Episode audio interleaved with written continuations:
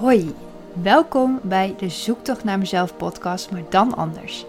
Ik ben Sanne, psycholoog, kunstenares en een beetje anders dan anders.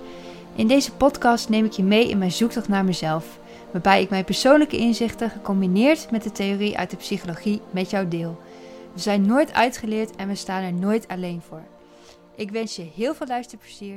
Hallo, welkom bij weer een nieuwe podcast. Leuk dat je kijkt of luistert. Dankjewel alvast ervoor.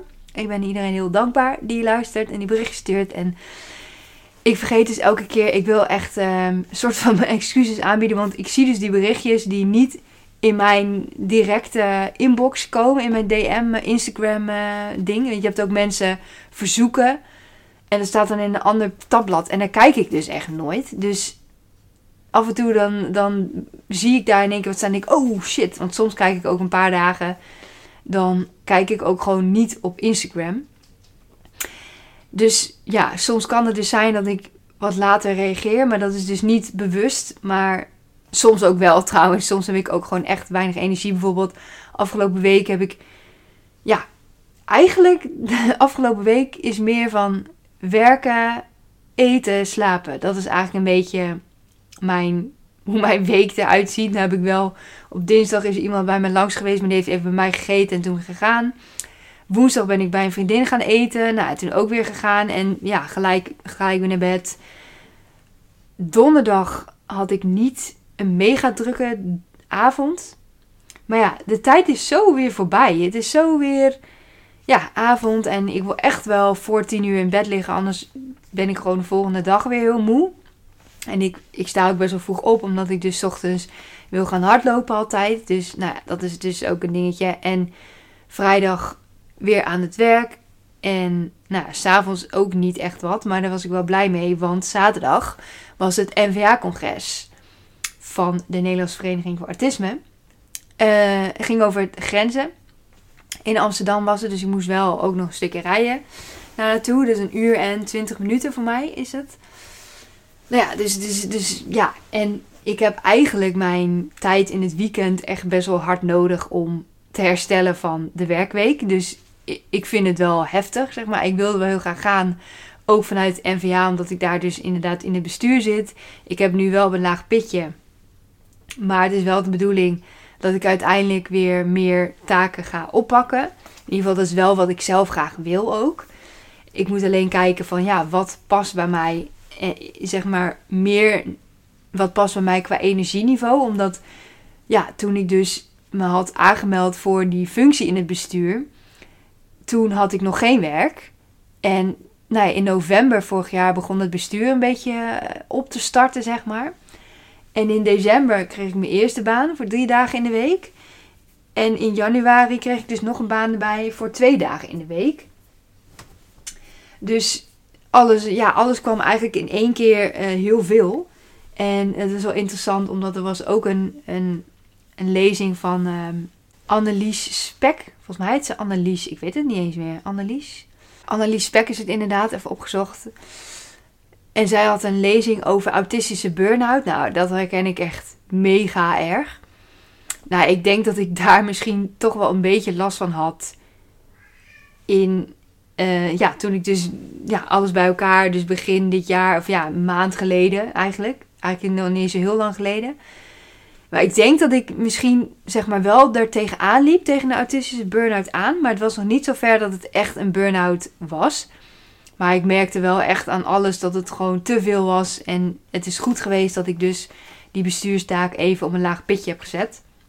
En volgende week hebben we een bestuursvergadering online. Dus dat scheelt ook wel weer reizen en zo. Ja, maar ik ga dus kijken wat ik dus kan oppakken. Want het is nog steeds een. Als we het dus over grenzen hebben, wat dus het thema was van, de, van het congres. Daar loop ik zelf ook nog wel heel vaak overheen. En dat is dus ja, dat blijft ook altijd een valkuil. Dat was ook de, de ja, een, een message of een, hoe zeg je dat? Een punt uit de, uit de lezing van Annelies. Dat mensen met autisme, die hebben gewoon altijd een hoger risico om dus in zo'n autistische burn-out te komen. En ja, het, dat blijft gewoon altijd oppassen. Want alles komt harder binnen. Je, hebt, je bent al overgevoelig voor prikkels. je bent al altijd aan het maskeren om mee te kunnen doen met de samenleving. En nou het blijkt ook uit die lezing, wat ik ook wel heel erg onderstreep, zeg maar, dat het maskeren levert soms wel ook wel weer dingen op. Dus het helpt bij ja, vinden van werk en dat soort dingen. En ja, je wordt gewoon meer geaccepteerd als je dus je eigenlijk wat je doet met maskeren is dat je je anders voordoet dan je bent. Maar het kost heel veel energie en heel veel, ja, heel veel energie. En wat het dus oplevert is dat weegt niet op tegen zeg maar de nadelen. En nou ja, misschien kunnen we daar wel gelijk op ingaan, want ik dacht eraan om vandaag dus over ehm, de punten te hebben die ik heb opgeschreven van het NVA-congres. Want daar heb ik een aantal dingen opgeschreven die mij triggerden. Dacht ik, ja, daar wil ik het wel meer over hebben. Ik heb ook nog de talentenpaspoort waar ik het vorige keer over had. Wat ik graag wilde spreken, maar dat bewaar ik dan voor de volgende keer. Samen met de vragen uh, die ik had gesteld, de reacties daarop van wat herken jij en wat herken jij vooral niet in de diagnose autisme. Omdat dat talentenpaspoort best wel een aantal punten liet zien die helemaal niet overeenkomen met iemand met autisme. En waarvan ik dat dus, ja, iemand met autisme heeft het heel erg wel en ik heb dat heel erg niet of andersom. Dus dat vind ik soms ook wel lastig. Dus daar wil ik het dan volgende keer over hebben. En dan rond ik eerst af, inderdaad, de dingen die ik NVA-congres, want dat is gewoon pas geweest. Dan is het natuurlijk fijn om daar nu over te hebben. Omdat het over twee weken misschien, ja, is het alweer een soort van te lang geleden om het daar nog over te hebben. Ja, dan is dat ook afgerond, maar. Dat vind ik zelf ook wel fijn. Dus dat wil ik vandaag gaan bespreken.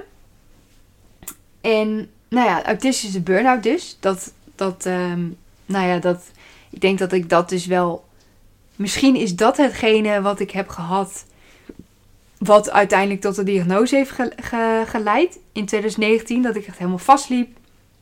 En dat ik op een gegeven moment, ja, ja, was ik ja, ook gewoon echt een soort opgebrand. Het heeft ook echt wel een tijd geduurd voordat ik wel inderdaad weer terug ben op het niveau dat ik nu ben. En, en ik ben nog steeds dat ik aan het groeien ben. En dat het steeds weer nog weer beter gaat. Nog weer meer zelfvertrouwen. Omdat dat, dat was gewoon helemaal weg. Dus, nou ja, die autistische burn-out wordt heel erg gezien een burn-out zonder autistisch ervoor. Dus gewone burn-out dat wordt heel erg gezien als dat de oorzaak werkstress is. En bij autistische burn-out is het eigenlijk dat het stress in het algemeen. Dus het kan dus privé zijn, maar kan dus ook werk zijn. Het is eigenlijk alles bij elkaar. En eigenlijk denk ik dat een burn-out bij gewone mensen, dat dat ook op meerdere vlakken kan zijn. Dat op je werk kan het wel heel goed gaan en allemaal geweldig. Alleen als het privé allemaal totaal niet loopt, dan denk ik dat je ook in een burn-out kan komen. En er zijn ook bepaalde eigenschappen, perfectionisme, wat heel veel mensen met autisme uh, blijkbaar herkennen. Want dat ben ik ook een beetje achtergekomen. Dat dat perfectionisme in mensen, dat dat ook een kwetsbare factor of ja, maakt dat je misschien kwetsbaarder bent voor een burn-out. Maar dat geldt dus ook voor mensen zonder de diagnose. En dat perfectionisme, dat is niet dat het alleen op je werk van toepassing is. Dat is natuurlijk op je hele leven dat je dat, ja, dat dat een een eigenschap van jou is en heeft invloed. Dus nou, ik ben ervan overtuigd dat niet alleen autistische burn-out, maar ook gewone burn-out, dus zeker ook door privé dingen kan zijn. Maar in ieder geval, officieel is het dus, autistische burn-out is dus, ja, als het leven je eigenlijk te veel wordt. Dat is zeg maar het, het idee. En het is eh, ver, verward niet met overprikkeling. Want dat is natuurlijk ook als het je even te veel wordt, dan ben je ook overprikkeld. En dan gaat het ook allemaal even helemaal niet. Maar het is dus burn-out, is meer echt langdurig. Eigenlijk over je eigen grens heen gaan. Te veel stress en te weinig stress die je kan loslaten eigenlijk. Dat is een beetje het idee. Want je hebt zeg maar stressoren in het dagelijks leven. Dat, dat heeft iedereen, maar bijvoorbeeld maskeren, dat is dus wel een stressor. Die normale mensen of mensen zonder diagnose dus niet hebben. Omdat ja, die hoeven zich niet te maskeren. Want die, ja, in ieder geval niet in zo'n sterke mate als mensen met autisme. Ik denk dat mensen zonder autisme ook wel sommige dingen anders voordoen dan ze zijn. Maar dat is minder alles, zeg maar. Iemand met autisme is best wel, in ieder geval dat, dat als ik voor mezelf spreek. Want ik, ja, nee, ik ben er wel van overtuigd dat, dat mensen zonder diagnose ook, ook bepaalde dingen maskeren. Maar inderdaad toch, ja, toch in mindere mate. Dat je toch minder hoeft te maskeren om toch mee te kunnen doen. En iemand met autisme moet toch best wel veel maskeren. Of ja, met maskeren bedoel ik soms bedoel ik eigenlijk ook wel dat je op je tenen moet lopen. Dat je dus niet, je heel, niet dat je per se heel erg anders voordoet, maar wel dat je eigenlijk probeert de verwachtingen van de omgeving waar te maken. Wat je eigenlijk misschien helemaal niet waar kan maken als je gewoon luistert naar jezelf en naar je lichaam en naar, ja, naar je mogelijkheden. Want eigenlijk weet je zelf, je kunt vaak wel meer dan je denkt. Dat is zeker wel waar. Maar eigenlijk weet je zelf vaak wel best wel goed waar de grens ligt. Alleen ga je daar overheen omdat mensen in je omgeving, bijvoorbeeld bij mij, ik heb dus universiteit gedaan. Ik kom heel sociaal over. Mensen denken van, nou, die, uh, weet je wel, die kan het wel heel ver schoppen. En dat kan ik ook wel, alleen wel op een bepaalde manier die niet overeenkomt met hoe mensen het voor ogen hebben. Ik moet veel meer rust nemen. Ik, eigenlijk zou het veel beter voor mij zijn om vier dagen te werken. Maar dan heb ik financieel weer veel minder. Dus en ik zit ook nog in het proces van, ja, wat wil ik nou precies? Wil ik nou inderdaad wel die vier dagen werken? Of had ik in het begin misschien, uh, want ik had in het begin wel echt dat ik dacht van, ja, dit is echt wel veel. Inderdaad, dat ik echt ook met die, met die bestuursfunctie erbij, dat ik echt dacht van, ja, het gaat gewoon allemaal niet. Is dat omdat ik gewoon nog moest wennen aan de nieuwe situatie van werken en ja, nieuwe banen. Het is allemaal nieuwe dingen. Is dat het geweest? Of is het dat ik echt te weinig rusttijd heb? Want ik merk wel dat nu ik dus iets langer al aan het werk ben, dat het wel. Ik kom wel in een bepaald ritme en ik merk dat ik wel iets meer energie heb dan zeg maar eh, ja, in januari of in februari. Dus dat merk ik dan wel weer. Maar ik heb ook vaak genoeg dat ik denk van ja, het is nu zondag. Ik zit, uh, ik zit nu dus die podcast op te nemen. Die moet nog bewerken. Ik, uh, op zondag, ik heb heel veel planten. Op zondag doe ik altijd mijn planten water geven. Ik heb nog een bankje via Marktplaats gekocht voor buiten die ik nog in elkaar moet schroeven. Ik moet nog stofzuigen. Ik heb nog afwas die ik moet doen. Ik moet de was nog opvouwen. Er zijn zoveel dingen. En dan morgen begint alweer de nieuwe werkweek. Dus, en dan denk ik, ja, want gisteren had ik dus de, de NVA congres wat de hele dag was. Dus toen had ik ook geen tijd om de dingen te doen. Dus ja, ik zou nog steeds heel veel baat hebben bij vier dagen werken. Maar ja, ik zit dus nu in het proces van... wil ik inderdaad één baan dan voor vier dagen... een hele andere baan dan wat ik nu doe... of ga ik toch proberen om te blijven bij de banen die ik nu heb... want er is ook nog een onzekerheid of dat erin zit bij een van de twee. Dus ja, dat geeft ook wel weer onzekerheid... Maar ga ik me dan daar toch hard voor maken om dat te doen? Is dat echt wat ik wil? Ehm, want ik, ik herken ook wel een patroon van dat ik veel energie steek in dingen die niks worden. Dus in relaties heb ik dat. Maar ook dus in mijn werk denk ik van... Ik kijk te weinig naar wat ik zelf wil. En ik kijk van oké, ik pak dit aan en dan zie ik het wel. In plaats van moet ik dit nu wel aanpakken? Want nou ja, wat zijn de gevolgen daarvan? Daar kijk ik nog soms te weinig naar. Maar goed, dat is dus camouflage, maskeren. Dat is dus iets wat dus een stressor is voor iemand met autisme. En dan heb je inderdaad de verwachtingen, de maatschappelijke verwachtingen. Waar je dus, ja, wat gewoon stressor, stress geeft. Omdat je daaraan wil voldoen, maar wat soms niet mogelijk is. Op de manier dat mensen dus denken dat het mogelijk is. Het is vaak wel mogelijk, maar nou ja, soms moet je dingen iets rustiger aandoen. Ja, is toch een soort verwachting van je waar je dan ja, niet aan voldoet, wat een stressor is. Coping, compenseren, ja, coping. Nou ja, als, als je autisme hebt, heb je misschien minder goed geleerd om om te gaan met gevoelens en de dingen in het leven. Omdat, nou ja, het is gewoon moeilijker. Omdat het moeilijker is voor de meesten dan om ook je gevoelens te voelen. Dat heb ik zelf best wel, dat ik eigenlijk te weinig ook echt naar mijn lichaam luister. Dat ik het niet zo snel genoeg door heb wanneer ik dus eigenlijk al overprikkeld ben, over overprikkeld ben. Dat ik nog steeds te weinig door. Maar goed, dat is dus ook een stressor. stress door belangrijke overgangen en gezondheidscrisis.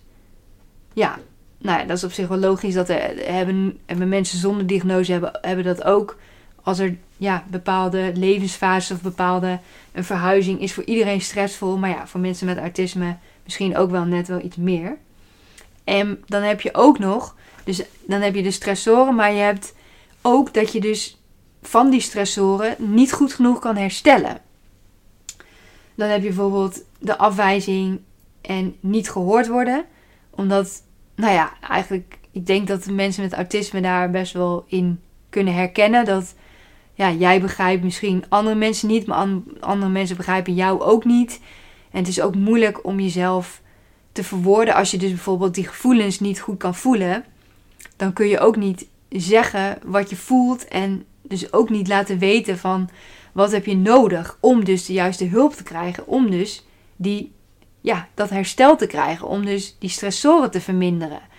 Als je jezelf niet kunt uitdrukken en laten horen, dan is het ook moeilijk om gehoord te worden natuurlijk. Dus ja, dat is dan een reden dat inderdaad een drempel tot herstel, moeite met grenzen en moeite met opkomen voor zichzelf. Nou, dat is dus, dat spreekt ook wel voor zich. De, daar, dat heb ik zelf ja, enorm, uh, enorm punt in mijn leven waar ik nu mee bezig ben. Meer opkomen voor mezelf. En ja, dat is gewoon moeilijk voor mensen met autisme. En nou ja, ook voor mensen zonder autisme. Maar nou ja, geen pauzes toelaten. En tekort aan hulpbronnen en steun. Die twee die spreken eigenlijk ook wel voor zich. Maar er zijn dus drempels tot herstel. Het is moeilijker voor iemand met autisme om te herstellen. En die stressoren zijn al hoger dan, zeg maar, als je vergelijkt met een normaal iemand. De stressoren zijn al hoger. En er is ook nog minder ruimte om te herstellen. Of minder, ja, minder herstel. Dus dan kun je je wel voorstellen dat het dus ja, best wel veel voorkomt dat mensen met autisme dus een burn-out krijgen. Dus dat die autistische burn-out komt. En op zich, zeg maar, ik vond het wel een interessant iets, omdat ik dat zelf gewoon heel erg herkende. Al die punten van ook inderdaad het maskeren en dat je niet goed voor jezelf kan opkomen. En dat je nou, tekort aan hulpbronnen en steun, ja, dat, dat is bij mij dan, dat valt denk ik wel mee. Maar het is wel inderdaad, het hangt ook weer samen met dat je dus als je jezelf niet goed kunt verwoorden, dan kun je ook niet de juiste hulp vinden. En ik ben daar dus juist wel goed in om mezelf te verwoorden. Dus dan is het ook makkelijker voor mij om dus wel hulp te zoeken die ik nodig heb. Dus dat, dat herken ik dan niet zo. Maar ik vond het wel grappig, want Annelies Speck zei van ja, bij burn-out wordt aangeraden van ga absoluut niet slapen overdag. Omdat, nou, dat zal dan niet goed zijn. Ik kan me ook wel wat bij voorstellen, want het verstoort dan weer je slaapritme. Van s'avonds dus, van s'nachts.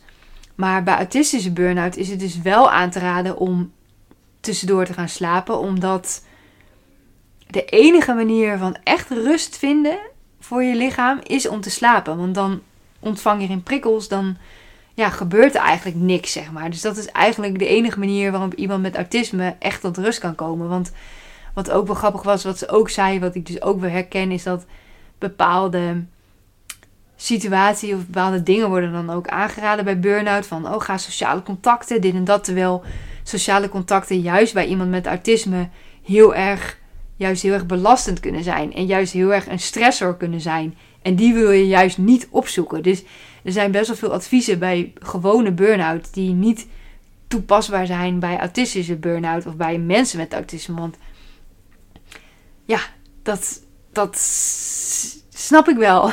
ik snap dat wel. Dat het gewoon niet, niet past. En ja, ik vind dat wel interessant. En eigenlijk heb ik trouwens net niet helemaal goed gezegd. Maar eigenlijk leiden zeg maar de levensstressoren en aan de andere kant de, het herstel, die eigenlijk te weinig is. Dat leidt eigenlijk ervoor dat er te hoge verwachtingen zijn van jezelf. En wat, ik noemde net al een stukje van verwachtingen die mensen van je hebben waar je er niet aan kan voldoen. Het is natuurlijk ook wel een stukje verwachtingen van jezelf en een stukje acceptatie van jouw autisme, wat eigenlijk ook een stressor kan zijn als je dus juist geen acceptatie hebt voor je autisme. Dan kan dat ook een stressor zijn. Dat had ik dus in het begin van mijn diagnose heel erg. En dat kan ik nog steeds wel eens hebben van dat ik echt totaal niet denk van waarom weet je wel dat ik, ik wil het gewoon. Ik, ik wil heel veel dingen wat gewoon niet altijd realistisch is om ook. Ik wil dingen sowieso te snel. dat is gewoon wie ik ben, denk ik. Maar ik wil ook sommige dingen wat misschien. Wat ik gewoon ook niet moet willen. Ik, ik heb even niet echt een heel goed voorbeeld. Maar ja, misschien wel ook qua werk wil ik ook wel bepaalde dingen. Ja, wat gewoon niet haalbaar is. Het, het is gewoon niet haalbaar. En dan kan ik het wel willen. Maar, en ik kan het misschien wel halen. Alleen dan moet ik dus heel veel gaan maskeren. Heel veel om mijn tenen gaan lopen. Heel veel dingen doen die dus eigenlijk totaal niet bij mij passen. Maar omdat ik het wil doen. Omdat ik denk van, weet je wel, dan krijg ik goedkeuring van mensen of wat dan ook. Daarom doe ik het. Ja, ik ben nu wel zover dat ik, dat ik wel daar een beetje klaar mee ben. Dat ik denk van ja, uh, dit hoef ik niet te willen, want het slaat gewoon nergens op. Dan ga ja, dat ik dus over mijn grens heen ga en waarom doe ik dit? Dat, dat heb ik dus, zover ben ik al wel. Maar ik heb nog steeds wel best wel hoge verwachtingen van mezelf. En er was wel een lezing, een andere lezing over studeren met autisme. Ging dan niet, dat is niet over autisme wat ik nu ga zeggen, maar als je dus hoge verwachtingen van de leerlingen hebt, van de studenten hebt, dan studeren ze ook beter. Dus het is wel goed om hoge verwachtingen te hebben. Blijkbaar voor studeren werkt dat. Maar als je dus echt te hoge verwachtingen gaat hebben, ja, dan werkt het natuurlijk niet meer. En vooral dus mensen met autisme hebben daar wel last van. Vooral denk ik de hoger opgeleide mensen met autisme. Of de mensen die misschien dus geen opleiding hebben gedaan, maar dus wel heel slim zijn. En dat is dus juist het moeilijke. Omdat je dus wel van je, je bent heel slim. Maar er zijn andere dingen waardoor het gewoon niet lukt om die studie af te maken. En dat is natuurlijk super frustrerend. En ja, ik, heb dan, ik vind het dan moeilijk om. Ehm, ja, ik vind het dan moeilijk om dan te zeggen van ja, bij mij ging het eigenlijk wel best wel soepel. Al heb ik zeg maar, heel veel mensen zeggen ja, mijn studententijd was echt de, de beste tijd van mijn leven. Nou, dat herken ik dus eigenlijk helemaal niet. Dat dat. Ehm, nee, ik heb niet per se dat ik echt. Um, dat ik het echt heel leuk vond. Ik vond het leren heel leuk. Dat is, dat, dat is sowieso, dat kwam dus ook bijvoorbeeld uit mijn talentpassen. En daar kan ik volgende keer nog weer over hebben. Dat leergierigheid, dat, dat heb ik echt heel extreem op gescoord. Die, de loopbaancoach had nog nooit zo'n hoge score daarop gezien. Dus ik vind leren gewoon heel leuk. Dus ja, dat is gewoon. Uh, ja, dat is, wat, dat is wat het is.